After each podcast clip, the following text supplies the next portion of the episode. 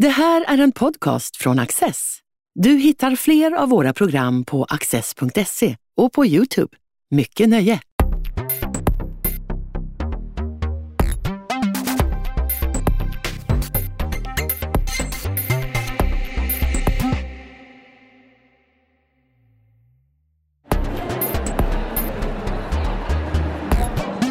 I Vålnadernas historia berättar Magnus Westerbro om människans förhållande till spöken. Ända sedan antiken har åsikterna varit delade. Somliga har varit övertygade om att väsen från andra sidan kan besöka oss. Andra har tyckt att allt tal om spöken är humbug. Ännu har ingen lyckats bevisa att spökena finns, men många fortsätter att tro på dem. I fjol fick du Augustpriset för en bok om svält. Mm. Eh, året dessförinnan så skrev du om eh, pesten eh, och nu är det vålnader. Finns det någon död tråd här mellan de här ämnena eller ja. är det mer en tillfällighet? Nej, inte alls. Det är, det är verkligen en, en tråd på det sättet att det handlar om sådana ämnen som jag är fascinerad av och skrämd av på något sätt, får jag väl säga. Sånt som, ja, men, som djupt intresserar mig.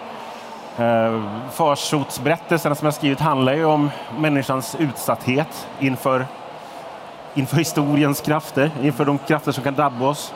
Eh, och Vålnaderna-boken handlar ju om ytterst om döden, hur man förhåller sig till döden och hur man tänker kring att dö eh, och vad som följer efter döden. Sådär. Och så det är saker som jag har varit fascinerad av, som så många eh, förstås, eh, ända sedan jag var liten. Så på så vis hänger de här böckerna ihop tycker jag. Det finns en, en tråd i dem. Alla kretsar kring, kring fasor på olika sätt. Det, du refererar en siffra i boken om att eh, 20 procent av svenska folket tror på spöken, enkelt uttryckt. Ja. Och nästan lika många är beredda att ge det the benefit of the doubt. Ja. Det, det, kan finnas spöken. Jag förstår också att du inte tillhör den här eh, gruppen. Men har du sökt efter den här sortens upplevelser eller längtat efter den här sortens upplevelser? Ja, det har jag nog gjort tror jag. Särskilt när jag var yngre så, så, så ville jag väl gärna tro att sånt här var verkligt. För att det skulle vara spännande och, och häftigt helt enkelt. Mm. Att det skulle vara någonting som berikade livet på något sätt. Men det kommer sig egentligen av att jag hade ett intresse för skräckberättelser som ung. Jag läste Stephen King och H.P. Lovecraft och mm. även de liksom 1800-talsgiganterna följde av det. Henry James och, och, så vidare. Alla de här gamla spökberättelserna älskade jag att läsa, Edgar Allan Poe också. Mm. Och det fanns en mystik i det tror jag som jag längtade efter att, att uppleva på något sätt. Så jag har alltid dragits till kyrkogårdar. När jag är på resa så går jag till, till en kyrkogård och gärna vill, förut särskilt ville jag att det skulle vara gotisk och makaber gärna. Sådär. Mm. Det finns en kyrkogård i Salzburg som jag minns väldigt väl som hade väldigt mycket sådana här benrangel och som kändes, det kändes som en skräckkyrkogård. Mm. Sånt tycker jag alltid var fascinerande och jag längtade efter att uppleva det på något sätt. Att uppleva en verklig kontakt kanske med den andra sidan. Men det har jag aldrig gjort. Uh, och så småningom har jag liksom läst in mig på ämnet och börjat se liksom mönstren i det här. Mm. Uh, så, så jag är en ganska övertygad materialist. Uh, Ja, men när du sökte dig till kyrkogårdarna, gick ja. du dit på dagen eller på natten? Ja, men både och. Ja, gärna okay, gärna sent sådär. Jag har aldrig varit rädd för mörker, jag har alltid trivts i mörker. Okay. Eh, jag har alltid känt mig bekväm i mörker. Uh, tror jag. Så att jag liksom alltid kunnat känna att om det, om det händer något läskigt så kan jag gömma mig i mörkret. Uh, så har jag nog alltid tänkt. Men tyvärr har vålnaderna gjort likadant och, ja, och, och, och hållit sig undan för ja. det. Ja ska vi, det här är ju, din bok är många saker. Det är, det är en rik eh, samling av anekdoter och berättelser som är väldigt roliga, om händelser som är väldigt roliga att, att läsa om. Och, eh, men det är också en sorts eh, spöktrons idéhistoria, skulle man kunna säga. Ja. Um, vi, vi kanske ska börja med det förresten. Vad, vad är en vålnad för någonting? Det är också en sak som är svår med att prata om det här ämnet för att vålnader kan vara väldigt mycket, många olika saker. Man menar väldigt många olika saker med de här fenomenen. Men i grund och botten har det traditionellt alltid varit en död människas själ eller livsessens som på något sätt visar sig för de levande. Det kan man göra på många olika sätt. Det kan göra det i en skrämmande form. Det kan göra det som i de här skräckberättelsernas vampyrer som kommer tillbaka för att hämnas. Eller så är det bara en, en vålnad som på något sätt, en ande som tar kontakt på ett lite försynt sätt genom att knacka i väggarna eller flytta saker Sådana berättelser finns väldigt lång tid tillbaka. Så det finns en kärnupplevelse i det här. En kärnan i spökupplevelsen som är tidlös på något sätt. Och det är den här lite diffusa känslan av kontakt och närvaro, oförklarliga ljud, kanske någonting som rör sig i mörkret eh, som man sen då tolkar som att det är en död människa som hör av sig. Och det är väl liksom på något sätt kärnan i det. Och sen i olika tider har man lagt in olika förklaringar i, till vad det här är och sett de här vålnaderna på olika sätt i olika miljöer. De kan vara farliga, de kan vara goda och beskyddande. De kan bara vara allmänt kusliga. Liksom. Så det är ett väldigt komplext fenomen som är svårt att definiera. Mm. Uh, så. För en, ett budskap, om jag förstår din bok rätt, är att det finns rätt mycket av en kontinuitet genom tiden här. Ja. Att det här fenomenet har funnits i, i många tider och tagit sig uttryck som ja, ibland har varit väldigt likartade, och sen har det, men också olika. Eh, du börjar i antik tid och eh, berättar bland annat eh, historien om det hemsökta huset i Aten Just som det. verkar vara lite av en eh, ikonisk historia i sammanhanget. Så kan du berätta, vad, vad hände där? Ja, det är alltså, antiken ja. är ju, är, som på så många områden så finns ju de här urberättelserna i antiken som sen förs vidare i västerländsk tradition och varieras över tid. Men den klassiska berättelsen om ett hemsökt hus kommer från Aten. Den är nedtecknad ungefär 100 år efter Kristus av Plinius den yngre som beskriver i ett brev till en vän en historia han har hört om ett hus i Aten som var hemsökt. Människor som bodde där blev paralyserade av skräck. Flera dog av fasorna och sen övergavs huset. Och det de berättade att de hörde och såg i huset var en vålnad av en gammal man som rörde sig i korridorerna och släpade med sig kedjor som han rasslade med. Så det finns alltså en hemsökt, ett hemsökt hus, en människa som skallrar med kedjor på ett sätt som sedan har fortsatt i, långt fram i, i, i vår tid. Liksom. Finns den typen. Och i den berättelsen så kommer en filosof till Aten, en stoisk filosof, som får höra talas om spökhuset och tänker att ja, men det där måste jag undersöka. Så han flyttar in dit och bor där. Och när spöket kommer så blir han inte rädd. Eftersom han är en stoiker så kan han kontrollera sin rädsla. Och han eh, bara obekymrat sitter och skriver medan spöket försöker skrämma honom. Men han inte rädd, blir rädd så kuvas den här vålnaden på något sätt och bestämmer sig för att istället visa sin hemlighet och leder filosofen till husets trädgård. Och där visar sig att hans kvarlevor ligger begravda, bara nedkastade i marken, omvirade med kedjor. Så han har alltså inte fått en riktig begravning. Han har antagligen blivit mördad och blivit bara nerstoppad i marken. Mm. Uh, och när filosofen ser till att spökets kvarlevor blir begravda så försvinner han. Han har fått vila och fått frid. Sådär. Och det är liksom en berättelse som har många av de här komponenterna som sen återkommer i historien. Men det som är speciellt för mig särskilt intressant för mig med den här boken då är att brevet det här berättas om av Plinius avslutas med att han frågar sin vän vad tror du, är det här på riktigt? Finns det spöken eller är det här bara ett utslag av vår uppskrämda fantasi? Eh, hjälp mig att reda ut det här, du som är så klok. Mm. Så där finns liksom frågan tydligt uttalad. Sådär. Är det här på riktigt eller är det bara hjärnspöken? Och den frågan då återkommer gång på gång i historien. Och den tråden fick jag väl följa i den här boken. kan man säga. Att, uh, den här dragkampen mellan tro och tvivel inför det mm. övernaturliga, inför det andliga i stort, som spöken och vålnader har kunnat vara liksom en indikator på från antiken fram till idag. För jag menar, Plinius var romare, men han beskriver en grekisk ja. Eh, händelse. och eh, Eh, man kan säga grekerna, man förknippar dem med förnuftets födelse i någon mening, eh, eller förnuftets eh, vagga. Och, och, men stora namn i, i den filosofiska traditionen som Platon och Sokrates ja. nämner du som, vad ska man säga, spöktroende i någon mening. Ja. Men de hade också sina kritiker redan på den tiden. Precis. Ja, men Sokrates eh, var tydlig, i alla fall i Platons, det är Platon som återger ja, vad Sokrates ja. säger. Men enligt honom så, så tror Sokrates helt och fullt på att det finns spöken och vålnader som trängs vid gravstenar och vid gravkummel och, och så. Och då, enligt honom så handlar det om människor som har varit förbundna vid det fysiska, som har syndat i livet på något sätt och varit för upptagna av dryckenskap eller vildsint sex, som man uttrycker det till och med, om jag minns rätt. Eh, och det tycker Sokrates är fel. Man ska leva ett rent liv, man ska rena sig med filosofi. Och om man gör det så kan man återfödas så som Sokrates trodde att det var. Själen är evig och odödlig och sen förs den vidare efter döden in i nya sfärer innan man återföds på jorden. Så det var liksom hans idé och det som Platon förde vidare. Och båda, de, både Platon och Sokrates använde då vålnader som bevis för det, kan man säga. Att de indikerade att det här är sant.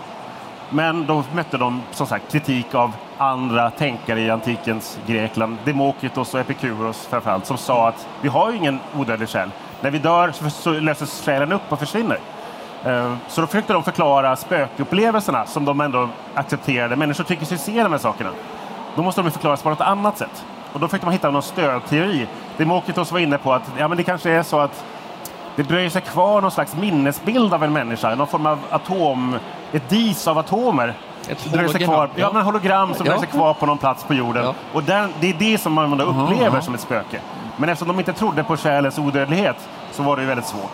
Och den, den liksom skeptiska traditionen var väldigt stark i grekisk historieskrivning och sen i romersk historieskrivning. Så redan då fanns ju den liksom dragkampen om, om världen är förtrollad eller inte.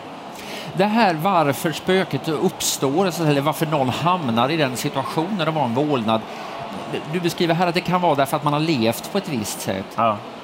Eller för att man har dött på ett visst sätt, som Precis. i det hemsökta huset. Så här, är den ena sorten vanligare än den andra? Det verkar vara så att det vanligaste är den här att man dör på ett olyckligt sätt. För annars är det något slags skuldbeläggande, att man straffas för sitt levande. Och det verkar inte ha varit så vanligt, utan det är de här, redan på 700-talet före Kristus, under homerisk tid, så har forskarna hittat liksom typer för hur spöken uppstår. Och då är det att man dödas, vålds, dödas våldsamt. Det är liksom en klassisk metod. För det blir en som chock att man måste återvända. Eller att man bara dör som ung, att man inte lever tills man blir, vux, tills man blir gammal. För redan då fanns alltså idealet att man skulle leva ett fullt liv, man skulle hinna växa upp, skaffa familj, få nya barn och då är det dags att dö. Och det går ju, tycker jag är intressant, för det går lite emot den bilden man har av att människor förr tog liksom döden för given. Att man, det är klart att alla dör, folk dör lite när de är 15, 20, 30, det är ingen stor sak. Det var en stor sak även då. Ett ofullbordat liv kunde leda till att man återvände som spöke. Mm. Och det kunde då vara, det är de vanliga metoderna, eh, orsakerna. Eller så var det så att man hade blivit begravd på fel sätt. Det var mm. väldigt viktigt. Rätta riterna måste utföras, annars kan man inte vila. Och sen fanns varianten också i grekisk tid där man återvände som spöke om man inte hade hunnit gifta sig ännu. Det var liksom en underkategori som var tydligen viktig. Sådär. För då var äktenskapet en så tydlig symbol för liksom en fullbordad tillvaro. Och särskilt då kvinnor kunde tänkas återvända för att spöka om de inte hade fått gifta sig. Jag tänkte just den orsaken hör man inte talas nej. så mycket om nej, den är, den inte, gäller, men, Annars finns det många av de här kvar, ja. föreställningarna om det här avbrutna livet på något sätt. Mm. Mm. Och det är bra. Mellan eh, eh, Platon och Sokrates och kompani å ena sidan och Plinius och den andra så hinner en person födas och verka, nämligen Jesus. Eh, och kristendomens inträde på scenen får ett stor betydelse för synen på möjligheten att komma i kontakt med, med avlidna eh, människor. Ja. Jesus eh, säger rätt dramatiskt så här, låt de döda begrava sina döda. Ja. Vad, vad menade han med det och vad fick det för konsekvenser? Ja, men tydliga konsekvenser i det här fallet är ju att han säger också att det finns en avgrund mellan de levande och de döda. Det finns ingen, man kan inte som levande ha kontakt med den andra sidan. Och flera andra ställen i Bibeln säger tydligt att det är en styggelse inför Gud att försöka tala med de döda. Så det skapas en klyfta, liksom en stark åtskillnad mellan de levande som får ägna sig åt sitt och de liksom döda som är borta för, för alltid. De skickas vidare till den andra sidan till det liksom oklara öde som väntar. Jag menar, Jesus lovar ju återuppståndelse på den yttersta dagen. Men däremellan finns det liksom ingen utrymme för kontakt. Jesus menar ju att det skulle, den här återuppståndelsen skulle ske väldigt snart. Mm. Det var ju liksom premisserna för hans eh, predikningar att många som lyssnar på det här just idag, många som hörde honom tala, skulle vara med om återuppståndelsen. Så det var ju liksom ingen viktig fråga. Men efteråt, när återuppståndelsen inte skedde, apokalypsen inte kom, mm. så var man tvungen att förhålla sig till det här. Hur ska vi, hur ska vi se på de här sakerna? Uh, människor fortsätter att tala om spöken och fortsätter att gå till kyrkogårdar eller begravningsplatser för att Eh, ge offergåvor till sina förfäder till exempel. Och det hade kyrkan, den tidiga kyrkan svårt för. Det fanns en klyv, klyfta redan där, hur man skulle se på den saken. Och många kyrkofäder tyckte att det där är hednisk liksom, avgudadyrkan i en ny form och tog fasta på Jesus ord att det är en klyfta mellan de levande och de döda, man kan inte ha kontakt. Mm. Um, och tydligast förespråkare för det här var Augustinus, då, den stora kyrkomästaren på 400-talet. Han skrev tydligt och klart en, en lång text som handlade om hur man ska förhålla sig till tron på de dödas återkomst. Att kan vålade visa sig för de levande? Och han kom fram till att det kan man ju inte tro. Och hans argument han, för han det... Har ett väldigt rörande han har ett väldigt rörande argument för den saken. Ja. Eh, och det är att hans mamma annars skulle ha hört av sig till honom. Mm. Hans mamma Monica, som han älskade så mycket, och hon älskade honom så mycket. Om ett spöke kunde återkomma sådär bara helt normalt så skulle hon ha gjort det. Ger, det finns vissa undantag. Han kan jag tänkte just säga det, men i likhet med många spektiker, hitta, eh, skeptiker så hittar även han en liten, vad ska man säga, ett litet undantag. Precis, exakt. Ja. Gud kan ju göra vad, vad han vill. Exakt. Så han kan ju liksom, om man vill skicka fram en, en ande bara för att. Eller så kan djävulen dyka upp och försöka lura människor. Mm. Så det var ju liksom de sätten han kunde använda för att förklara de här fenomenen. Eh, men, men, i grund och botten så han kunde inte acceptera de här vardagliga hemsökelserna där människor, eller spöken bara liksom visar sig utan något särskilt skäl.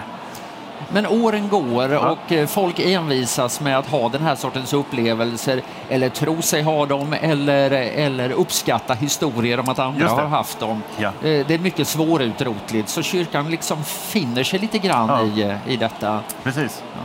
Och det, är, det är ju så som de gjorde på många områden. Att om folk fortsätter att göra de här sakerna då får vi väl använda det på något sätt. Eh, och då börjar man se det här som man börjar prata om att spökena återvänder för att intyga att kyrkans lära är sann. Att skärselden är verklig. Begreppet skärseld utvecklades ju först uttalat på sen, i högmedeltid, men det fanns sådana idéer mycket tidigt i katolska kyrkan om att det fanns en mellanstation där man skulle plågas efter döden. Mm. Och då kunde spökena återvända för att vittna om det. Så på så vis blev de liksom budbärare om den rätta tron mm. och blev en del av liksom det medeltidshistorikerna kallar eh, frälsningsapparaten eller själens bokföring på något sätt. Mm. De intygar att, att eh, skärselden är verklig och att om man eh, ger allmosor till de fattiga till exempel och ber om, liksom, om de efterlevande ger allmosor så kan den som straffas i skärselden få sitt straff förkortat. Så då blev liksom en del av den här ja, de blir ju, En cyniker skulle ju säga att de blir rätt användbara så att säga, i den här avlatsbranschen. Ja.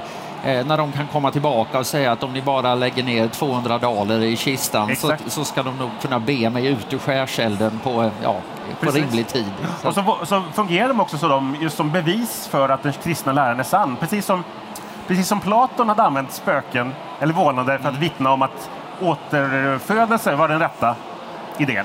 Så mm. använder man i kyrkan vålnaden för att vittna om att den kristna läran är sann. Gregorius, påven som, eh, som var stor på 500-600-talet och som, som sammanfattade de här sju dödssynderna, väldigt inflytelserik person i kyrkohistorien. Han hade publicerat en rad spökhistorier som han menade vittnade om, om Guds uh, allmakt och sanningen. Och en av dem så debatterar han uttalat med en, en skeptiker som heter Petrus som säger att jag tror bara på det jag själv ser. Jag kan inte tro på någonting icke-världsligt om jag inte ser det med egna ögon. Och då berättar Gregorius om, ett, om en vålnad som återvänt för att intyga att det är sant. Att Guds ord är sanna, det finns att Jesus ord är sanna, det finns en himmel, det finns en återfödelse. Och till sist så ger Petrus med sig och säger ja, jag, jag förstår nu att du har rätt. Så då fungerade vålnaderna som en så här, sanningsvittnen från andra sidan. Vi rör oss snabbt fram till historien här, ja. tusen år sådär eh, och är i Tyskland på 1500-talet ja. och en allmänt besvärlig person, eh, Martin Luther, eh, börjar bråka med, med sin kyrka, inte bara om allting annat utan även om detta. Ja. Vad sa han? Ja, men han, han återknöt då till Augustinus idé. Han gick tillbaka, idén för Luther var att gå tillbaka till liksom den tidiga kristendomen. Så. Mm. Och han återknöt till, till Augustinus idé och till Jesus ord om att det är en avgrund mellan de levande och de döda. Spöken kan inte visa sig. Så det var en del av hans kritik av, av avlatsindustrin kan man säga. Mm. Så han, eh, det, var en, det finns religionshistoriker som jag citerar som kallar Martin Luther en en riktig Ghostbuster. Mm. För det är han då historiskt sett. Han går till angrepp på den här vardagliga tron på att, de vål, på att vålnaderna kan visa sig.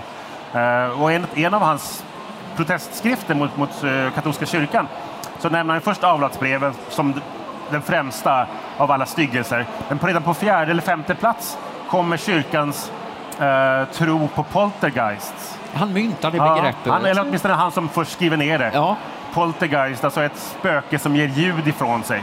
Det är det som betyder ett, ett störande högljutt spöke på, på tyskan. Och poltergeisten är sådana som traditionellt sett liksom visar sig att hemsöka ett hus genom att slamra i kastruller eller välta bord över ända eller dra människor ur sängen på nätterna. Sådär. En demonisk närvaro. Och det där gillar inte Luther, att, att kyrkan sprider och uppmuntrar den tron för om det någon gång förekommer så är det djävulen som gör det, säger Luther. Eh, det förekommer inte vardagligt, men om det gör det så är det djävulens verk. Och då är det ingenting att bry sig om, ingenting att vara rädd för, för då är det bara att be Jesus om hjälp så kommer, kommer poltergeisten försvinna. Låt Satan leka med kastrullerna, säger han i en skrift. Eh, och detta, även detta, han talade ju om det allmänna prästadömet och alla människors rätt och möjlighet att läsa och förstå Bibeln. Men även här kunde en bra karl reda sig själv. Liksom ja, man behövde inga präster eller präster. avlatsbrev för att driva spöken på, på flykten. Precis. Så då blev det, ja. som en följd av det här, så blev alltså tron på spöken, eller synen på söken, spöken och vålnader, blev en vattendelare mellan den protestantiska och den katolska delen av Europa. Eh, ganska snart kunde man säga att i de lutherska delarna av Tyskland så hade alla spöken försvunnit. Var har de tagit vägen? Frågan någon. Har de åkt till Italien där de tror på dem? Mm. Så det var liksom en, en man kunde till och med anklagas för att vara katolik i England till exempel, bara genom det faktum att man trodde på spöken. När Max Weber så småningom talar om sin avförtrollade värld, ja. då är det en protestantisk värld eh, utan mirakler, utan helgon ja, och kanske... utan spöken. Fast, ja, möjligen. Fast ja, Luther trodde i och för sig på, på djävulens ingripande okay, och, och mirakler. Så det, men visst, i viss mån i alla fall. Många av de här vardagsfenomenen städas ju bort kan man säga. De som hade varit en del av liksom, folktron möjligen. Mm. Luther får ju sen, och då framförallt i den protestantiska delen av Europa, liksom en stöd, i alla fall i detta avseende, när det gäller från upplysningsfilosoferna. Och liksom den förnuftiga människan, den rationella, moderna människan, de, den, den tror inte på spöken. Mm. Men det där till, det väcker också en motreaktion och då är vi framme kanske på 1800-talet. Ja, men också ja. redan på 1700-talet så, så började en del protestanter, protestantiska teologer byta sida lite grann. För då börjar man tycka att den här världen blir för avförtrollad. Mm. Uh, att man använder, liksom, istället, för att våga, istället för att säga rent ut att jag, inte, att jag är ateist, så, så säger jag jag tror inte på spöken. För det kan man säga. Det finns några brittiska, engelska präster och teologer som säger så och angriper de som förnekar andevärlden för att det är en smygateism. Mm. Så man börjar bli lite nervös för det där. Då händer det att, att, att faktiskt liksom på vardaglig nivå så använder man då återigen spöktron som ett bevis på, på, på livet efter detta. Mm. För då börjar kyrkan långt innan liksom, upplysningens genomslag på 1800-talet eller 1700-talet så började kyrkan utmanas av skeptiker och tvivlare och kämpa med det, att få människor att tro på det man säger. Det ser man tydligt i källmaterial från 1600-talets England till exempel, som Keith Thomas skriver om i en klassiska studie från 1969, Religion and the Decline of Magic, som är som, stap, som ingångsverk i den här moderna historieforskningen om detta. Så, så visar han liksom hur utbredd skepsisen var redan på 1600-talet, mm. innan upplysning kom. Och det där kämpade kyrkan med väldigt tidigt. Och då blir, dras spökena in i det där. Uh, som, ett, som en, ändå en symbol för att ja, men titta, det här finns i alla fall. Om vi, även om vi inte tror på häxor, vi tror inte på demoner, vi kanske inte tror på Satan riktigt heller, för det börjar man ändå tveka på. Mm. Uh, för det känns ändå lite osannolikt alltihopa. För det är svårt att få upp med Guds allmakt om man tar saker på allvar. Uh, så börjar man tänka, men spökena visar ju ändå att det här andliga finns man kan också säga att på, sen på 1800-talet ja. då, eh, och, men, rationalisterna har väl ändå så att säga på det stora hela varit mest framgångsrika. Ja. Och då uppstår jag menar, det, det, finns naturligtvis någon sorts folklig tro på, på spöken eh, kvar i varierande utsträckning. Men sen nästan som ett högre ståndsfenomen mm. eh, så nöjer man sig inte med att det kan finnas spöken utan man bara sätter igång och försöka framkalla dem och ordna möten med dem. Ja. Och det där kallas för spiritism. Precis. Hur, hur uppstod detta?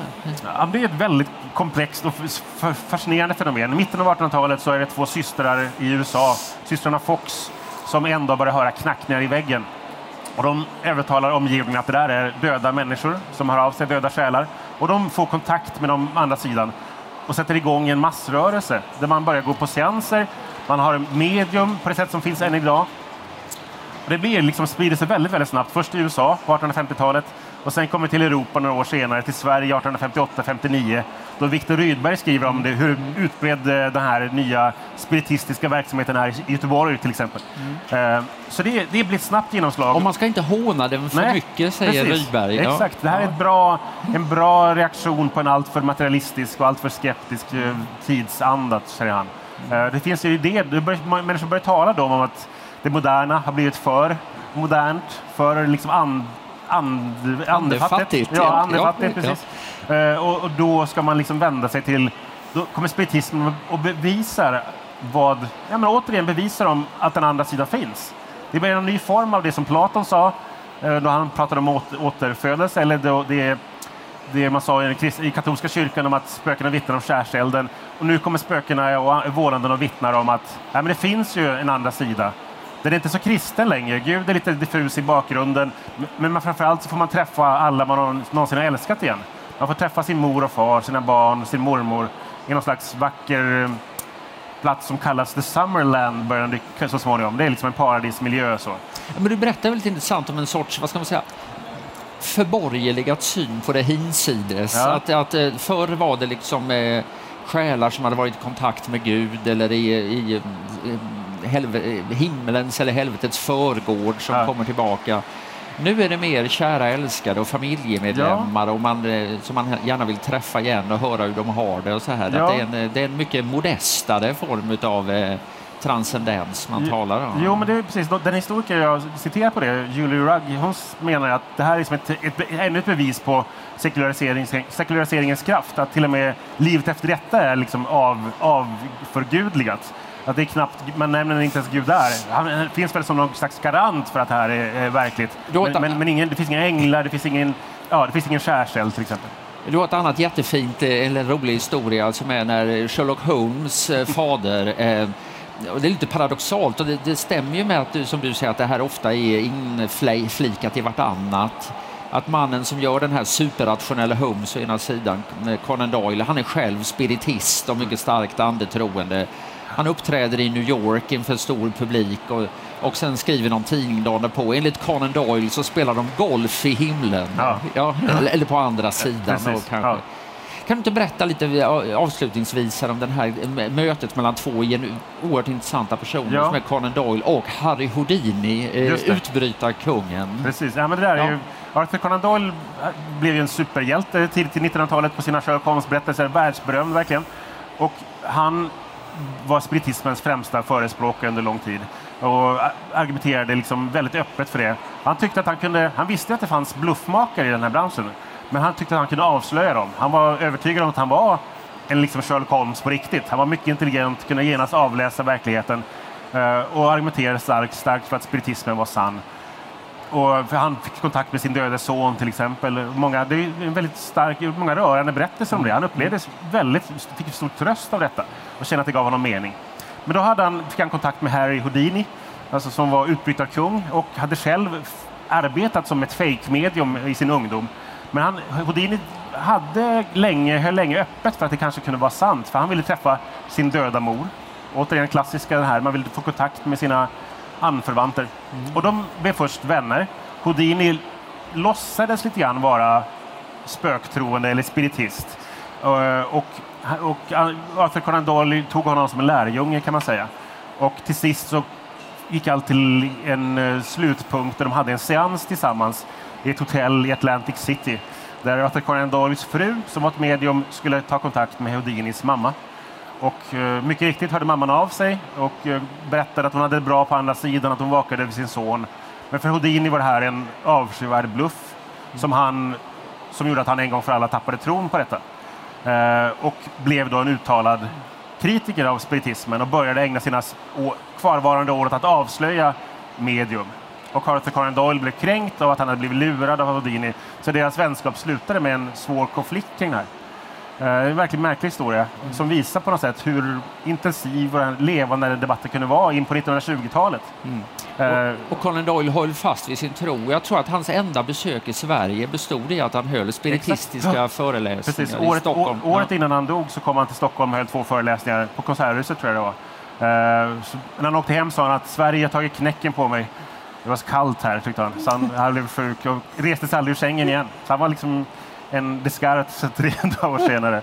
Ja. Men, och Houdini kämpade på med sitt avslöjande ända tills han dog också. Så båda två, in i döden, kämpade de för sin sida av, av saken. För Arthur Conan Doyle var övertygad in i sista om att snart mm. väntar det stora äventyret. Sa han, sa han bara några dagar före han dog. Den andra sidan engagerar. Ja. Magnus Westerbro, tack så hemskt mycket tack för att du har varit här. Tack.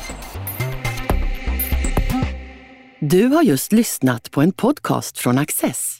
Du vet väl att vi också är en tv-kanal och tidning? Teckna en prenumeration idag på access.se.